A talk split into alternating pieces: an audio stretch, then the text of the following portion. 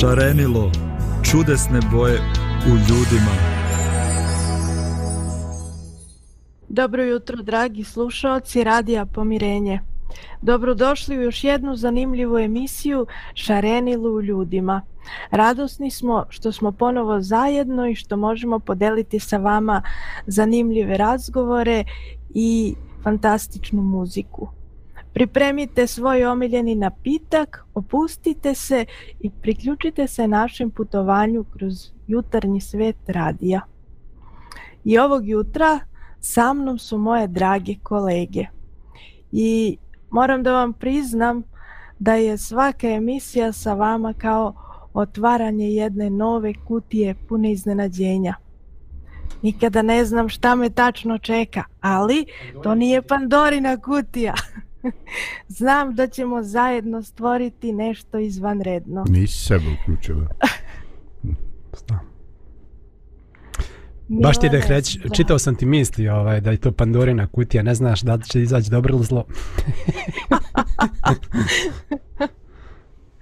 dobro jutro, nadam se da će izaći dobro. dobro jutro i tebi. I slušalcima. Zdravko, jesi tu sa nama? Pa nadam se da me čujete. Čujemo te. Da li ste spremni za nove avanture danas? Ma, ovaj, rafalnom paljbom naprijed. Epa, drago mi je. Danas smo došli do trećeg koraka na našem putovanju do uspeha. I razgovarat ćemo o ovom koraku ili na čelu u toku cele nas, naše emisije i kao i do sada na kraju ćemo definisati i to naše treće načelo. I za početak ja sam pripremila jednu zanimljivu kratku priču, jedan događaj koji je doživeo jedan 12-godišnjak.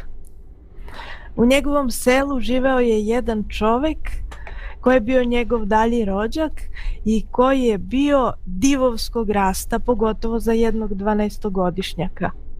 Bio je visok 2,05 metara i zvali su ga Veliki Gas. Ime mu je bilo Gas. I ovaj dečak priča kako je želeo da se fotografiše sa tim rođakom i da je pored njega izgledao kao skakavac. Jednom je gas otišao na neki seoski vašar i stao je pored bokserskog ringa da posmatra. I voditelj je tražio nekog dobrovoljca koji bi se boksovao protiv šampiona nad šampionima, boksera koga su zvali King.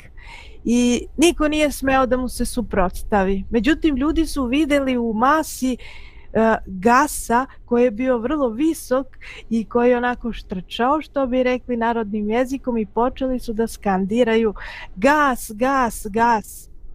Međutim, Gas nije želeo da ide u bokserski ring, ali ljudi su tako skandirali sve jače i jače i ugurali su ga tamo. I prva runda je počela i King je počeo da ga udara. I kako su udarci dolazili, gas je ostao nepomičan kao stena. King mu je zadao nekoliko udaraca, ali ništa. Onda gas više nije hteo da trpi udarce i udario je, je samo jednom Kinga. I tako ga je udario da je ovaj pao kao pokošen i više nije imao volje da se diže. Predao je meč. I ovaj dečak zaključuje bolje je imati divove pored sebe nego protiv sebe. Sigurno. I meni je ova priča baš bila zanimljiva i smešna. A, sam htjela da vas pitam danas, a, često se u životu desi da ne ide sve ovako brzo, ovako e, dobro u životu i da često na našoj životnoj strani ne budu ti divovi kao što je bio ovaj gas, a, nego budu protiv nas. I volila bih da započnemo ovu temu možda diskusijom o tome kako se vi nosite sa teškoćama kada se suočite sa divovima pod navodnicima u svom životu, e, baš pred ostvarenje nekog važnog životnog cilja. Da li vam se to desilo nekada? Hm, sad razmišljam. ovaj, pa ne znam da li je baš bilo pred ostvarenje važnog životnog cilja, ali sjećam se nekih sličnih situacija kad sam mislio da sam razriješio neki problem, da je neka situacija ono sad sređena, sve je okej okay, i ono opet se pojavi neki drugi problem. Tako da da neki neki dio moje prirode ili možda generalno ljudske prirode koji želi da sad kaže, e, sad mogu da legnem, da se smirim, opustim, sve sam riješio u svom životu, ovaj, sad mogu da uživam, ono, pojavi se uvijek neki problem koji kaže, e, nije baš tako. Tako da sam mm -hmm. to Mhm. doživljavao. Sad neki, neki veliki div pred ostvarenje životnog cilja, mm, ne. Mene obično divovi dođu odmah na početku. Pa okej okay, to. U suštini u našem životu možda mislimo da rešimo neke situacije, a onda se nešto zakomplikuje i dogodi se uglavnom nešto svakome od nas što nas baci u očaj, u obeshrabrenje, u beznađe, tako da pomislimo da je možda čak i nemoguće uh, da konačno nešto rešimo što smo mislili do juče da je rešeno. Tako da to je isto okej. Okay. Zdravko, šta ti kažeš? Za sada ništa. Ovaj, e, pa, ovaj, e, šta ja znam? Ovaj, ja u životu, naročito ovaj, ajde, e, e a ne znam kako da ga da zovem, ovaj e, završni pozni dio, e, dijelim na dvije situacije. Ovaj, e, a to je e, period u kome se koprcam i pokušavam nešto da uradim, stvarno se trudim i tražim od Boga da mi pomogne ovaj i na one situacije u koje kaže e bože ja više ne mogu. Znači ja sam ispucao nemam ni snage ni pameti ovaj e, ja sad bespomoćan ovaj ajdu leti s neke strane svojom intervencijom jer inače ja sam ja sam pukao gotov sam nemam više. Ne vidim ne vidim šta dalje. Interesantno.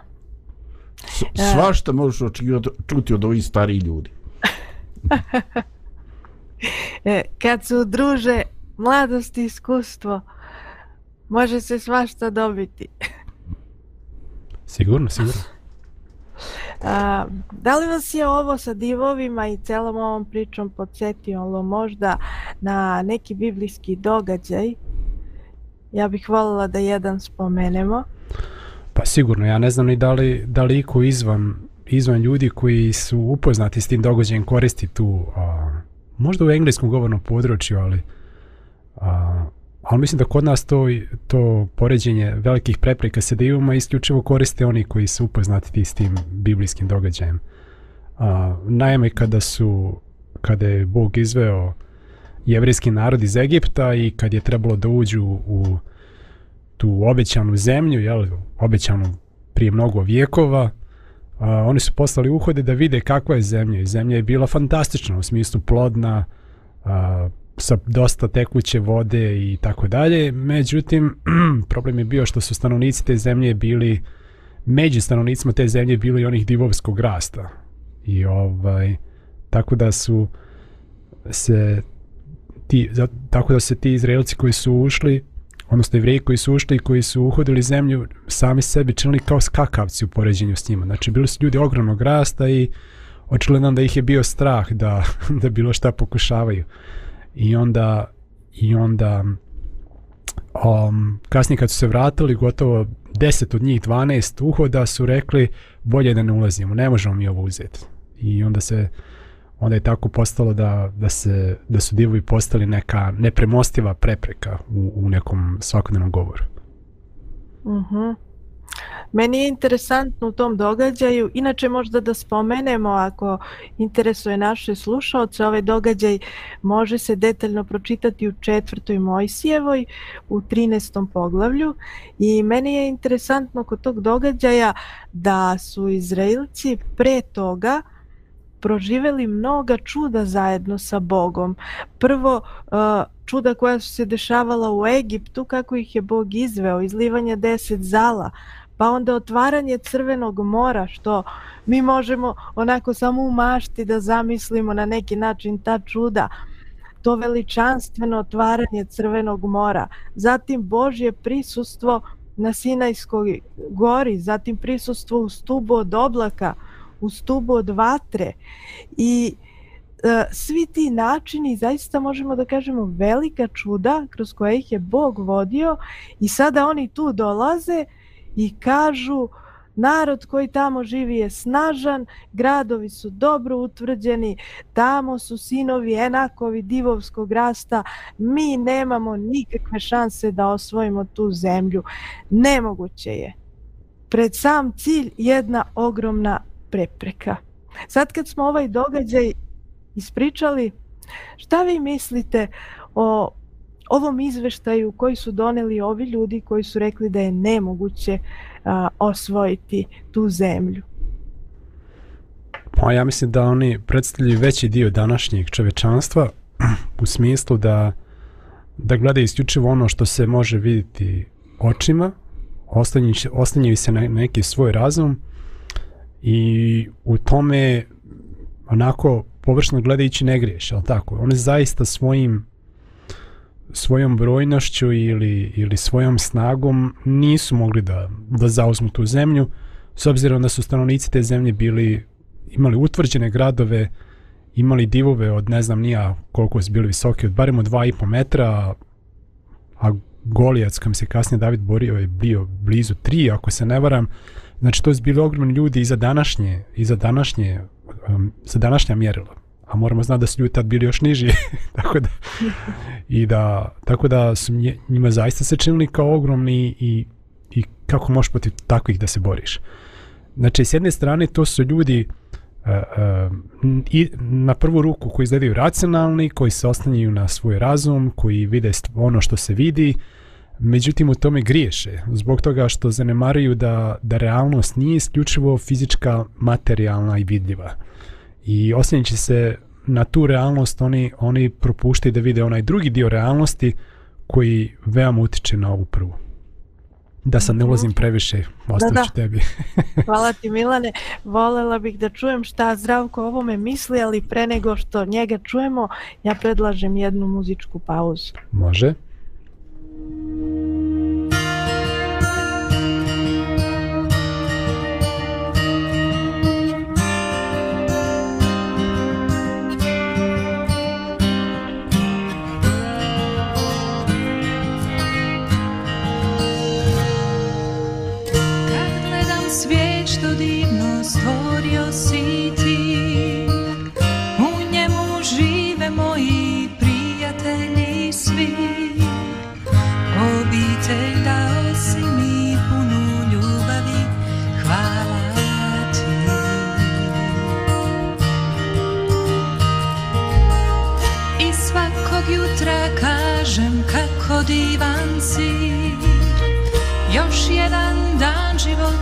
Poklonio si mi Jer vidim ništa zdrava mogu hodati. Hvala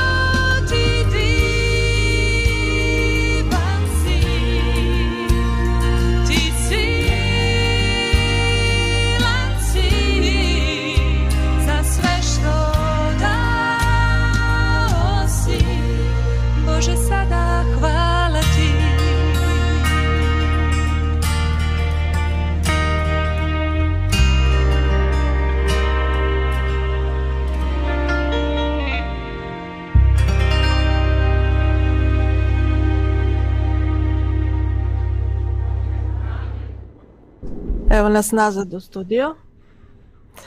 Pa, verujem da nas sve žarko zanima. Šta naš kolega Zdravko misli o ovoj temi? Recimo, šta Zdravko misliš o konceptu nemoguće je, pošto o tome pričamo? Da li smatraš da je to samo izgovor za neuspeh ili je neko važno priznanje ograničenja u određenim situacijama? Ovaj, a, Marija, znaš, postoje u našem narodu ovako dva, ovaj, dva izraza, dvije pošalice. Ovaj, jedna je posle boja svi su generali, a drugo je isto u boju, kaže, poslije boja kopljem u trnji. Šta hoće reći? Ovaj, a, mi obično imamo nakladnu pamet kad iskušenje prođe. Ima čak u Bibliji gdje se spominje na jednom mjestu gdje kaže o tom kako su ovaj E, oci su naši ovaj ubijali proroke a vi im kaže zidate spomenike i govorite e da smo mi bili na mjestu naših otaca a mi ne bismo to činili. I onda kaže Isus e vi upravo sa tim pokazujete da jeste djeca sinovi svojih otaca. Ovaj e, stvar je stvar je prilično ovaj stvar je prilično komplikovana. Ovaj, ja potpuno vjerujem da su ove uhode otišle s najboljom namjerom, da su to bili probrani ljudi ovaj, i vjerujem da su ovaj oni, eh, oni su faktički vidjeli istu stvar, ili tako? Objekat njihove percepcije bio isti, ali doživljaj nije očito bio sasvim različit. E sada, ja sebe pitam, eh, da li je tajna u određenoj eh, metodologiji ovaj, oni su imali neku suženu metodologiju kako ostvariti cilj i zaključak je bio e tako kako mi mislimo ovaj, ne može. Da li su ova dvojica imali neki e, sistem, tehniku, metodologiju e, koja je činila da oni e, povjeruju da je to moguće ili je u pitanju bilo čisto njihova vjera jer ovaj ako Bog kaže da idemo onda će Bog naći rješenje, naći način način pa čak ako ja ovaj sasvim racionalno i pametno ovaj razmišljajući vidim e ljudi to neće ići glatko. Ovaj e, problem je što mi u ovim izvještajima ove desetorice nalazimo rezolutno ne može se. E onda je to već ovaj to je već e, nedostat to je već stanje duha. Ovaj e, potpuno bi bilo drugačije kada bi ovaj e, da su oni rekli ovaj ljudi situacija je takva a, teška je, ovaj, a, ovo je moguće samo uz Božju pomoć, ali mi to ne čujemo. Dakle, jedna i druga strana ovaj su ono e, zatvaraju priču, ne ostavljaju prostora i jedni kažu ne može, drugi kažu može. Znači, gotovo, tu nema više što da se priče. Mi moramo, dakle, definitivno mi moramo ovaj shvatiti e, da postoje limiti naših naših sposobnosti. I to je upravo ono što sam Marija na početku rekao, znači faza u kojoj se ja borim ko prcam i, i ovaj, razmišljam kako da budem mudar i ovaj čak ajde prizivam Boga da me umudri i postoje situacije u kojim jednostavno kažem e, ja sam došao do kraja svojih snaga, znači ono, ono da. ne mogu ništa više, ali Bože, ti možeš. Inter Interesantno je da si ti postavio slično pitanje kao i ja dok sam razmišljala o ovom tekstu. Mi smo rekli da su uh, desetorica njih rekli da je to nemoguće, a dvojica su došli koji su isto to videli, ali drugačiju su percepciju imali i rekli su stići ćemo u obećanu zemlju, moguće je. I sada ono što je za mene ključno jeste baš to na neki način i ti zdravko što si pomenuo, šta čini ovu drastičnu razliku među ovim uhodama? Zašto su jedni rekli ma nemoguće je to uraditi, a drugi su rekli moguće je idemo da to uradimo? Mislim da je to uh, jedna ključna stvar i onako uh, ključ ove emisije Ovaj, prije nego što odgovorimo na to pitanje, da primijetim da, da, da mi ljudi se suočavamo sa dva iskušenja. Jedno iskušenje jeste da mi negiramo vlastita ograničenja, u smislu vrlo popularne te neke teorije i i priče tipa ti, su, ti možeš sve što zamisliš. To jako lijepo zvuči.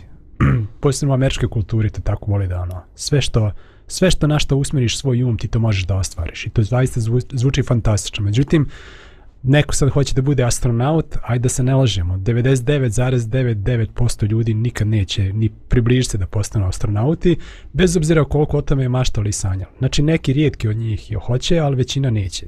Ili, ne znam, nija. Slične stvari. A, biću, dobit ću Nobelovu nagradu ili tako dalje. Znači, to, te, ta, ta, takav način razmišljanja negira na, naša vlastita ograničenja i negira na neki način realnost i ne znam šta se na deš, desi psihološki sa ljudima koji, koji se razbiju u tim pokušajima. A, a, drugo, a drugo iskušenje jeste što mi sumnjamo u Božju moć.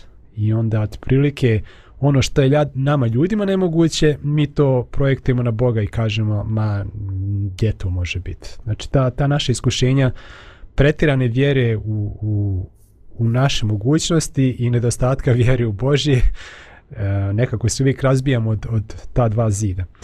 A, I ono što, što, što razlikuje dvojicu uhoda od onih ostalih deset jeste što oni nisu samo posmatrali sebe, već su gledali na Boga. Znači, to, to je osnovna razlika. Znači, zaista kad čovjek gleda na sebe, može samo da se obeshrabri. Je tako? Na svoje sobstvene neke snage, mogućnosti, karakter i tako dalje. A međutim, kad gleda na Boga, onda on počinje da vjeruje i kaže pa možda ja ne mogu, ali Bog može. Tako da tu se nalazi taj nekakav um, tu se nalazi taj nekakav ideal kada čovjek ne, ne uzdiže sebe i ostaje ponizan, a i dalje vjeruje u fantastične, u velike stvari. Mhm, Hvala ti. A, ja, kada razmišljam o ovoj temi, slažem se sa tobom da postoje neki nemogući ciljevi gdje ljudi mogu otići u krajnost da misle da mogu da ih ostvare, a oni su onako nerealni, ali s druge strane mislim da možemo otići u drugu krajnost, da previše sebe ograničavamo i da čak i neke stvari velike koje možemo da uradimo, uh, jer imamo sposobnosti za te stvari, ako budemo stalno negativni i stalno mislimo da mi to ne možemo i stalno beshrabrujemo sebe, mislim da je to druga krajnost gdje možemo prilično da ograničimo sebe pa da ne ostvarimo ni ono što možemo i zašto nam je Bog dao sposobnost. Tako da mislim da je važno imati jedan balans i hodati po toj žici a, između te dve krajnosti. Definitivno. Ovaj, ja sam, da, pa ja sam prije dva mjeseca, prije dva mjeseca sam spomenuo taj neki slučaj, sad sam zaboravio, sad sam zaboravio sve detalje bitne, ali otprilike bila je neka trka na jednu milju, ako se ne varam, i koju, i bila je neka vremenska granica, koliko je mogla da bude, možda od tri minuta, ovaj, koji nije niko mogao da trče ispod nje. Znači, mnogo godina i ljudi su čak i smatrali da je to nemoguće. I onda se desilo da je jedan trkač uspio da, da prvi probije tu granicu od 3 minuta, E sad ako, ako grešim po pitanju Minuta. distance i vremena, uh, nemojte me ovaj zamjeriti, samo uh, pokušam da naglasim poentu, da nakon njega iste godine, ja mislim 15 ili 20 ljudi je, je problo tu istu granicu od, od ispod 3 minuta, što znači da su svi oni u sebi imali tu fizičke, fizičke sposobnosti da to trče brže od 3 minuta, ali jednostavno nedostatak vjere ili možda vjera je da je to nemoguće ih je sprečavalo da ostvari ono što je njihovo tijelo moglo. Razumete? Znači, um ih je kočio. A, tako da, da, da je to jedan za mene ovako divan primjer od toga kako mi a, svojim stavom možemo da otvorimo mogućnosti i svoje, ne znam, nija intelektualne i fizičke, a s druge strane možemo da ih i ograničimo. Da mi svojim umom neki, neki način sebi postavljamo ograničenja ili ukidamo ta ograničenja šta, šta je moguće, a šta je nemoguće. Da. To, je ne znači da nemoguće, to ne znači da nemoguće ne postoji. Još uvijek je nije moguće trčati 1500 metara ispod jednog minuta. Jel tako? ali, ali hoće reći da, da, da mi se varamo po pitanju gdje su, te, gdje su ta ograničenja, gdje se ona nalaze. Mi, mi često smatramo da su ona mnogo bliže nego što, nego što stvarno jesu. Da. Pa imate A- izvini Marija, ovaj, Kaži, imate kaži, onaj Zdravko. slučaj, ona imate slučaj iz Zološkog vrta, ovaj, e, gdje zbog nekog razloga čuvari su ovaj, e, vezivali slona ovaj, za nogu, što kaže pripeli ga ko mi kravu u Bosni, što pripnemo da ne ode komši i ne pojede kupus. Ovaj, I e, kaže, nakon nekoga vremena ovaj, neko je došao i umjesto toga metalnog, željeznog, masivnog stuba stavio je običnu, običnu plastiku. Ali kaže, slon se, slon se i dalje kretao u zadanim limitima lanca. Znači, tu je sad više, ovaj, nije bilo potrebna sila veća od deseta kilometra, deseta kilograma, koji je, ovaj, e, za slona je smiješna ali on je navikao da je to njegovo ograničenje i čim je osjetio da lanac prilazi svome kraju, on više nije ni, ni pokušavao da zategne. Znači, u njegovom mozgu je ostalo definisano da je to limit i iako taj limit više nije postojao, on je u njegovoj glavi, ovaj, u on je u njegovoj glavi postojao. I istorija je, istorija je puna toga. Na primjer, postoje, e, i ljudi to već ubraju paranormalno, e, postoje divlja plemena ovaj u kojoj ljudi stvarno vjeruju ovaj u tu neku sudbinsku povezanost plemena u moć vračeva i tako.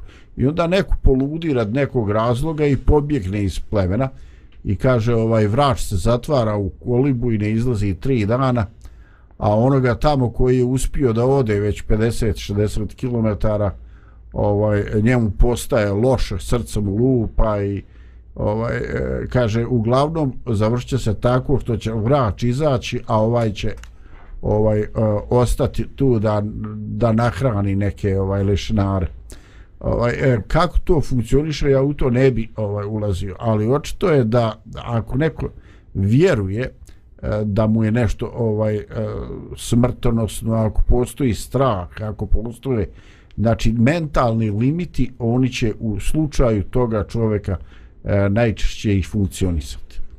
Ovaj, tako da ovaj um je, um je zaista tajanstvena stvar i ovaj čini mi se ni blizu ovaj tog nadobudnog osjećaja da mi već baratamo nekim coaching i ovim i onim tehnikama ovaj i da možemo sve sve uraditi.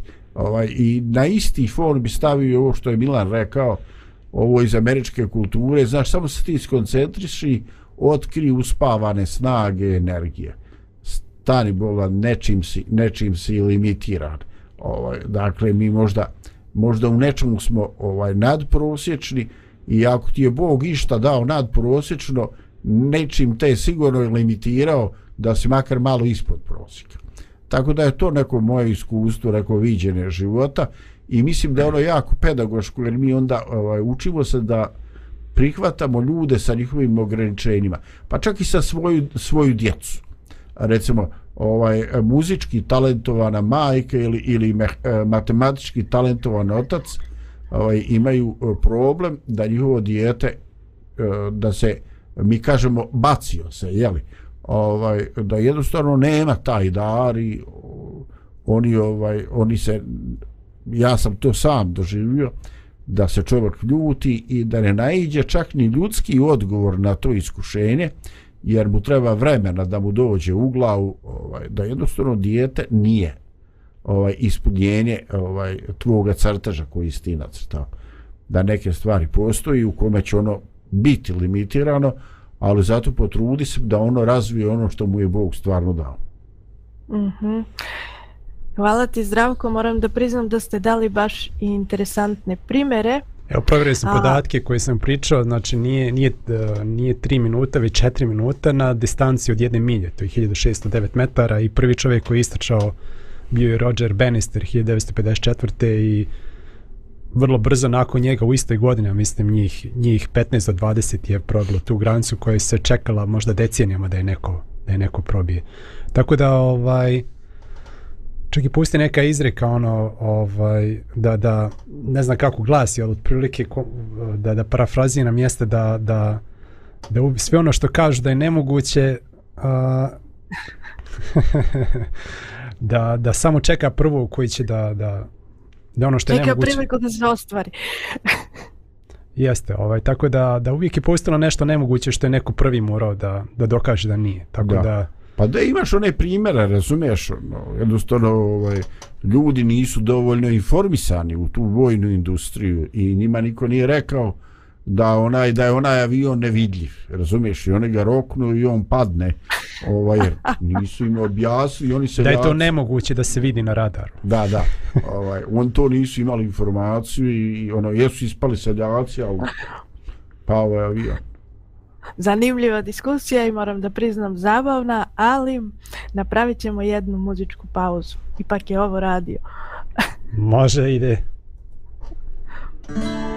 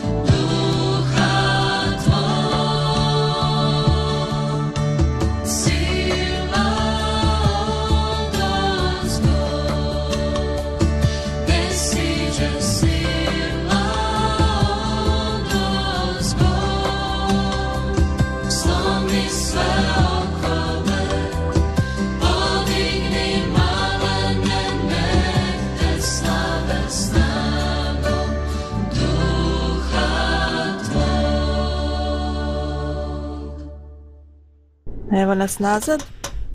Baš sam razmišljala dok je bila muzička pauza kako smo došli do jednog dela gdje se diskusija tako razvila da uh, ja ne bih voljela stvarno da otvorimo Pandorinu kutiju i da pređemo u diskutovanje o tim stvarima vezanim za moć podsvesti jer znam da je to vrlo popularno, a nisam htjela da u tom smeru ide moja emisija, pa bih voljela da pre nego što pređemo na ovaj deo se ograničimo. Mi smo dali neke primere i videli smo da mi možemo uh, sebe da ograničimo i svoje sposobnosti svojim umom na neki način ako budemo možda previše pesimistični i ali takođe ne smatram da je moguće da ako mislimo pozitivno i nešto priželjkujemo da to možemo uvek da dobijemo zato što to želimo i to to na neki način privlačimo svojim umom. Znači, volela bih da se zadržimo u sredini i da ne idemo u krajnosti i moje lično mišljenje jeste, možda zato što sam ja optimista, da je dobro biti uvek optimista i misliti pozitivno, mnogo bolje nego misliti negativno, imati neke negacije vezane za razne stvari koje možemo da uradimo u svoj život. Ali ono na što bih htjela da stavimo akcenat danas je vera ma, mnoge stvari ne možemo da uradimo zato što ne verujemo da ih možemo uraditi, mnoge stvari ne možemo da uradimo zato što ne verujemo dovoljno Bogu da nas On može kroz to provesti. I dok sam razmišljala o veri, shvatila sam da postoje različiti načini vere. A, I sinoć dok sam se vraćala iz Sarajeva, moram da vam ispričam evo svoje iskustvo. A, bilo je kasno i negde između 10 i 11 uveče ja sam bila na nekim zaobilaznicama i nije bilo nikoga, nije bilo tako prometno u to vrijeme i a, povremeno iza mene se pojave neka svetla od nekog auta koji je daleko i ja tu prolazim i bilo je onako baš jezivo e, kao iz horror filma i razmišljam o tome kako mi je muž rekao pre nego što sam krenula nemoj nigde uh, da staješ, nemoj nikome da staješ, samo vozi kući, sve će biti ok. I ja pomislim, pa dobro, ja neću nigde da stajem, ali šta ako auto se sad ovde pokvari, u ne dođi, niti znam gde sam, niti imam gde da se sklonim, šta ja da radim. Međutim, znate šta se dogodilo? Ipak sam stigla do kuće. Prosto nekako sam verovala da je auto ok i da neće stati. Druga stvar je navigacija. Ja sam ukucala put do moje kuće i prosto sam verovala da je navigacija našla a, najbolji i najkraći put do moje kuće i da neću zalutati u neki drugi grad. I onda sam shvatila da bez vere nije moguće živeti. Koje god da je čovek veroispovesti, da li je hrišćanin ili ateista, a, mora u nešto verovati. I pomislite na trenutak samo na sve one stvari kojima ne vladamo, ove koje sam navela, samo su neke od njih, a, to nas sve navodi na zaključak da je naš život bukvalno ispunjen delima vere. Na primjer, verujemo proračunima inženjera koji su sagradili nadvožnjake, mostove, tunele, zgrade.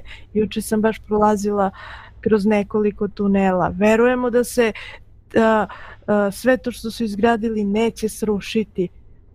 A, ne znamo ništa o aeronautici, možda neko od vas zna, ja ne znam, ali ipak putujemo avionom, ne poznajemo pilota, ali ipak na neki način imamo poverenje u njega i nadamo se da je zdrav, da je srećan u životu i da ne želi da pogine pre svoje stva, starosti. I kada na ovaj način sam razmišljala, došla sam do zaključka da zaista je potrebna velika vera uh, da bi normalno živeli, da verujemo uh, u neke tehničke stvari, verujemo ljudima, verujemo u neke svoje sposobnosti, ali ono što je najvažnije za mene jeste da najviše verujem Bogu. Kada razmišljamo o ovim različitim vrstama vere, šta vi mislite kako se vera u Boga sada uklapa u ovu priču ili bolje kako vera Boga utiče na vašu svakodnevnicu? Hm, Evo ja ću reći kao i Milan. Ovaj, aj, pa pogledaj, e, bojim se da mi tu da smo mi tu malo u situaciji da pomiješamo babe i žabe, znaš. Ovaj e, kod nas ovdje u Bosni je problem da li inženjer to znao izračunati. Ovdje je kad ovaj ako zgrada padne, tu je problem što je neko krao armature. Znaš, mislim, znači to su neki sasvim drugi pojmovi. Ovaj, e, znači, postoje neke egzaktne nauke, postoje neka znanja koji su ovaj, ispitana, koji su matematički provjerljivi, koji su iskustveno. Ovaj, iskustveno se zna. Ovaj, ali e, postoji, znači, neograničen broj mogućnosti e, za mnoge stvari u životu e, kuda, kuda mogu stvari da krenu i mi tu ovaj e, mi tu zaista e, ne možemo imati tu samouvjerenost ovaj kako ti govoriš u u, u graditelje niskogradnje koji su radili tunele, koji su bili stručnjaci uh, za izgradnju aviona ili šta. I jednostavno, uh, sveto pismo kaže nije do brzije trka ni do mudrije hljeb. Ovaj, e, jednostavno postoje situacije u kojima e, to što bi bilo e, provjerljivo, što bi bilo ovaj eksperimentalno dokazivo i što mi smatramo da je neki vrhunski vrhunski dokaz realnosti u nekim situacijama ovaj ne funkcioniše. Ovaj ovdje se spominju zgode i okolnosti. Tačno, Dakle, mene je navigacija da. često odvela na pogrešnu adresu, E, iako sam da. joj verovala. Da. E sad dok ti tražiš između dva krupna grada, dva velika naselja, to će biti dobro.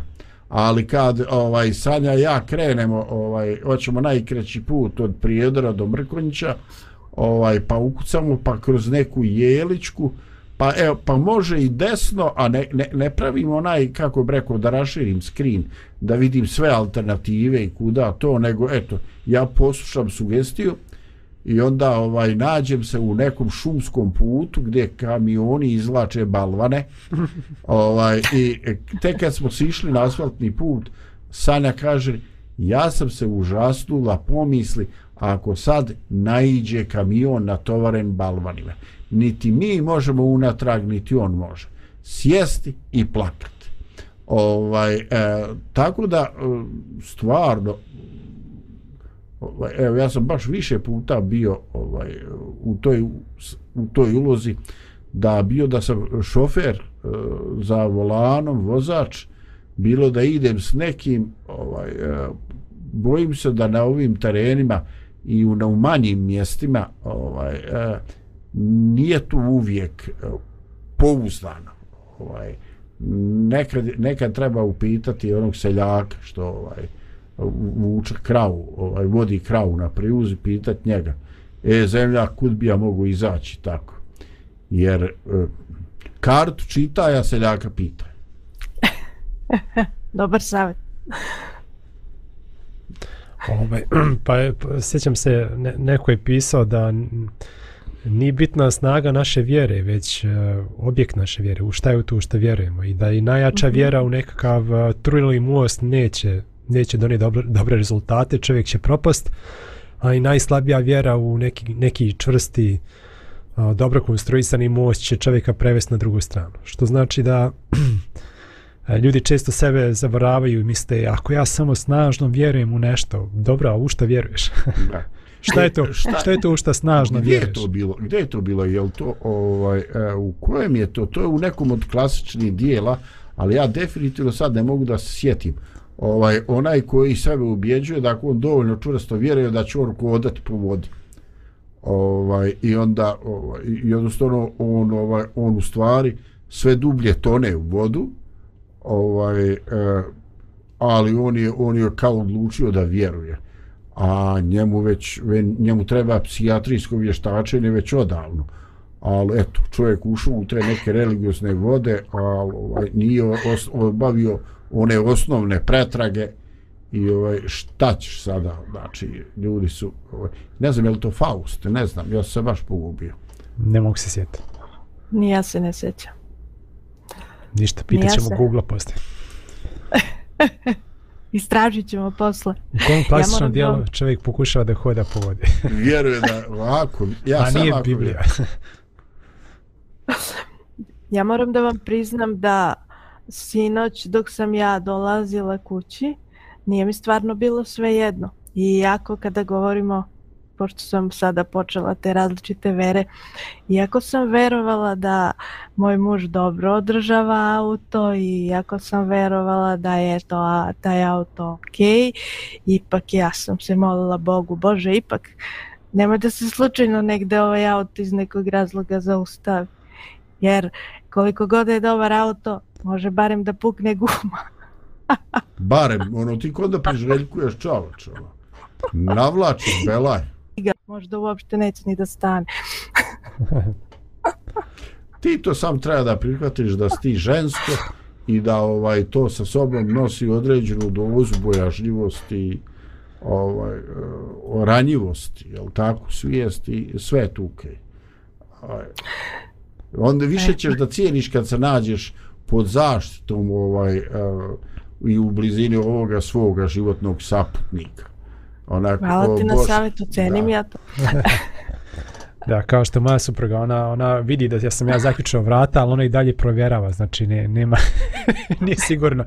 I ja sam da šalim, pošto ovaj, ima nas troje u kući, dvije, dvije ženske osobe i ja, I ovaj i svaka od njih zaključava vrata, ja kažem ja morat će tražiti neka vrata koje mogu tri puta da se zaključuju, da može svako po jednom, da svako bude siguran da Zadužen zaključana, za pošto bratu. ovaj treći njoj ni- za ne. ovaj ta ta neka ja se malo šalim kažem paranoja ovaj šta da nije možda nešto ovaj čak i ono kad vidiš svojim očima da da je da je sve okej, ali ipak da ja to svojim rukom provjerim. Tako Mila, ovo. neko će ti biti lakše i ja proveravam. Tako da ovaj definitivno možda moj muž dobro država auto i, i sve. Ali šta znaš, šta može da se... Dobro, u svakom slučaju čak i novo auto može da se pokvari ili nešto da pukne. Nije, nije sad to nemoguće, nije to izvan dosega nemogućeg, ali... Ovaj, Pa jest.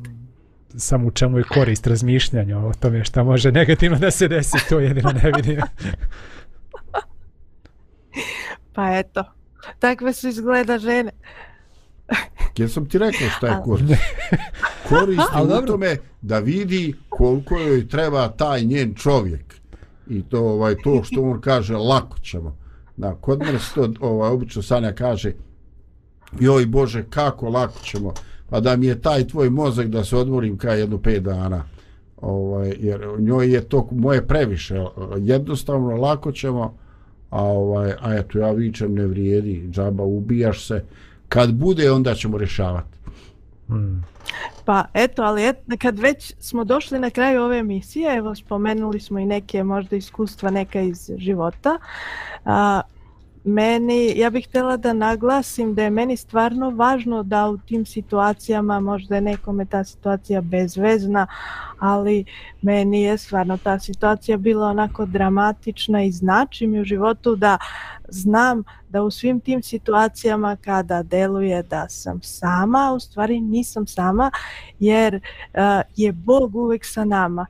Zato mislim da je vera jedna važna karika u našem životu i na ovom našem putu ka uspehu i želela bih da na kraju u zaključku ove emisije a, a, kažem i čak i jedan biblijski stih koji je apostol Pavle napisao kada govorimo o veri u Boga.